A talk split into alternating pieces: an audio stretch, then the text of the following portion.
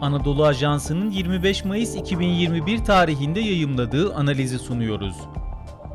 Fransa'da bireysel özgürlükler kısıtlanıyor. Yazanlar Hacı Mehmet Boyraz, Süheyl Yasir Yıldız, seslendiren Sefa Şengül.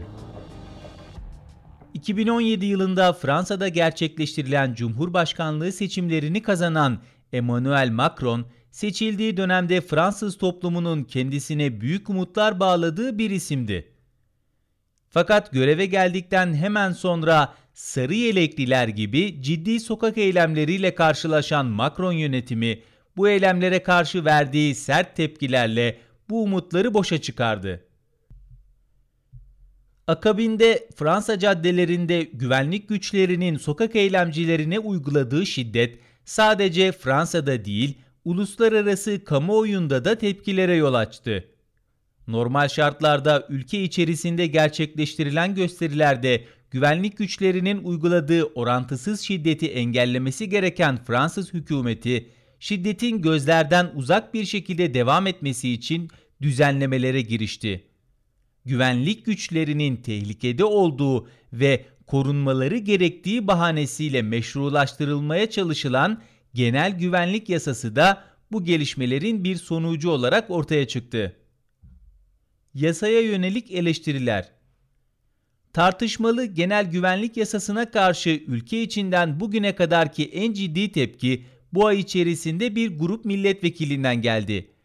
Sosyalist milletvekilleri ve müttefikleri grubu altında birleşen 87 Fransız vekil, polis şiddetine yol açtığı ve vatandaşların özgürlüklerini kısıtlayacağı gerekçesiyle yasanın iptali için 5 Mayıs'ta Anayasa Konseyi'ne başvurdu. Bu gelişmeden bir hafta önce hakim, avukat ve gazeteci sendikaları da yasanın iptali için Anayasa Konseyi'ne başvuruda bulunmuştu. Ülke içinden gelen bu tepkilerin yanı sıra uluslararası örgütler ve hükümet dışı örgütlerden de yasaya tepkiler geldi. Örneğin 3 Birleşmiş Milletler raportörü yasanın tartışıldığı dönemde kaleme aldıkları raporda güvenlik güçlerinin görüntülerinin yayınlanmasını yasaklayan düzenlemeyi insan haklarına ve temel özgürlüklere zarar verdiği gerekçesiyle endişeyle karşıladıklarını belirtti. Avrupa Konseyi İnsan Hakları Komiseri Dunya Miyoteviç de yasa tasarısının tartışmalı 24. maddesini eleştirdi ve yasanın insan haklarına daha saygılı hale getirilmesi gerektiğini ifade etti. Sınır tanımayan gazeteciler örgütü ve uluslararası af örgütü gibi hükümet dışı örgütlerde kararı eleştirenler arasında yer alıyor. Fransa'da Müslümanların özgürlükleri de kısıtlanıyor. Genel güvenlik yasası iç siyasette özgürlük güvenlik denkleminde ikinci tarafa ağırlık vermeye başlayan Macron hükümetindeki bu yönelimin ne ilk ne de son örneği. Zira görevdeki mevcut yönetim ulusal güvenlik adı altında bugüne kadar özgürlükleri kısıtlayan birçok düzenlemeye gitti. Örneğin geçen yıl ayrılıkçı yasa tasarısıyla Fransa'da yaşayan milyonlarca Müslüman Fransa'dan ayrılarak kendi yönetimlerini oluşturma çabası içerisinde oldukları gerekçesiyle bir güvenlik meselesi haline getirildi. Ülkedeki Müslümanlar üzerinden ortaya konulan suni tehdit algısı kısa zaman sonra büyütülerek yeni düzenlemelerin önü açıldı. Örneğin artık klişe bir tartışma haline gelen Müslüman kadınların başörtü kullanması laikliğe aykırı olarak değerlendirildi ve ülkede İslamofobik faaliyetlere karşı varlık gösteren Fransa İslamofobi ile Mücadele Kolektifi, Paris'te bir öğretmenin vahşice katledilmesinden sorumlu tutularak geçen yıl kapatıldı. Ayrıca bu yıl Mart ayında alınan kararla kümes hayvanlarının Temmuz ayından itibaren İslami usullere göre kesilmesinin yasaklanacağı açıklandı.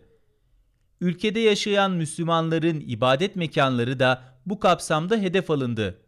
Somut bir örnek vermek gerekirse Fransa genelindeki camiler İslam karşıtı medya organlarının desteğiyle terörün kaynağı olarak etiketlendi ve bunlarla sözde mücadele kapsamında sadece Macron döneminde 40'tan fazla cami kapatıldı. Güvenlik bahanesiyle Müslümanların inanç özgürlüklerini kısıtlayan bir diğer uygulama Fransa İçişleri Bakanlığı tarafından geçen yıl radikalleşme ve İslamcılıkla mücadele amacıyla bir ihbar hattının kurulması oldu. Bu hattın kurulmasıyla Fransız vatandaşlarından çevrelerinde İslamcı faaliyetler yürüttüklerinden şüphelendikleri insanları ihbar etmeleri istendi. Bu şekilde tüm Müslümanlar potansiyel birer tehdit olarak gösterildi ve oluşturulan bu tür suni tehditlerle mücadele için bütün Fransız vatandaşlarına gayri resmi bir yetki verildi.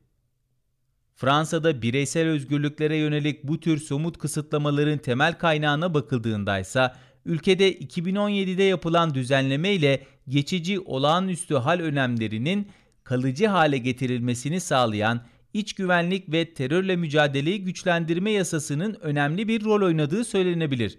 Zira bu düzenleme ile Macron hükümeti iktidarın daha en başında özgürlükleri kısıtlamaya yönelik kritik bir fırsat elde etti. Dolayısıyla buraya kadar anlatılanlar bir bütün halinde değerlendirildiğinde 4. yılına giren Macron yönetiminin Fransa'yı her geçen gün bir güvenlik devletine dönüştürdüğü ve daha fazla güvenlik adı altında sivil özgürlükleri kısıtladığı anlaşılıyor. Sonuç olarak geçen süre zarfında genel olarak Fransız halkına ve özel olarak Müslümanlara yönelik getirilen yeni güvenlik tedbirlerinin ülkede insan haklarını kısıtladığı ve daha da önemlisi toplum nezdinde ciddi bir güvensizlik atmosferi yarattığı söylenebilir.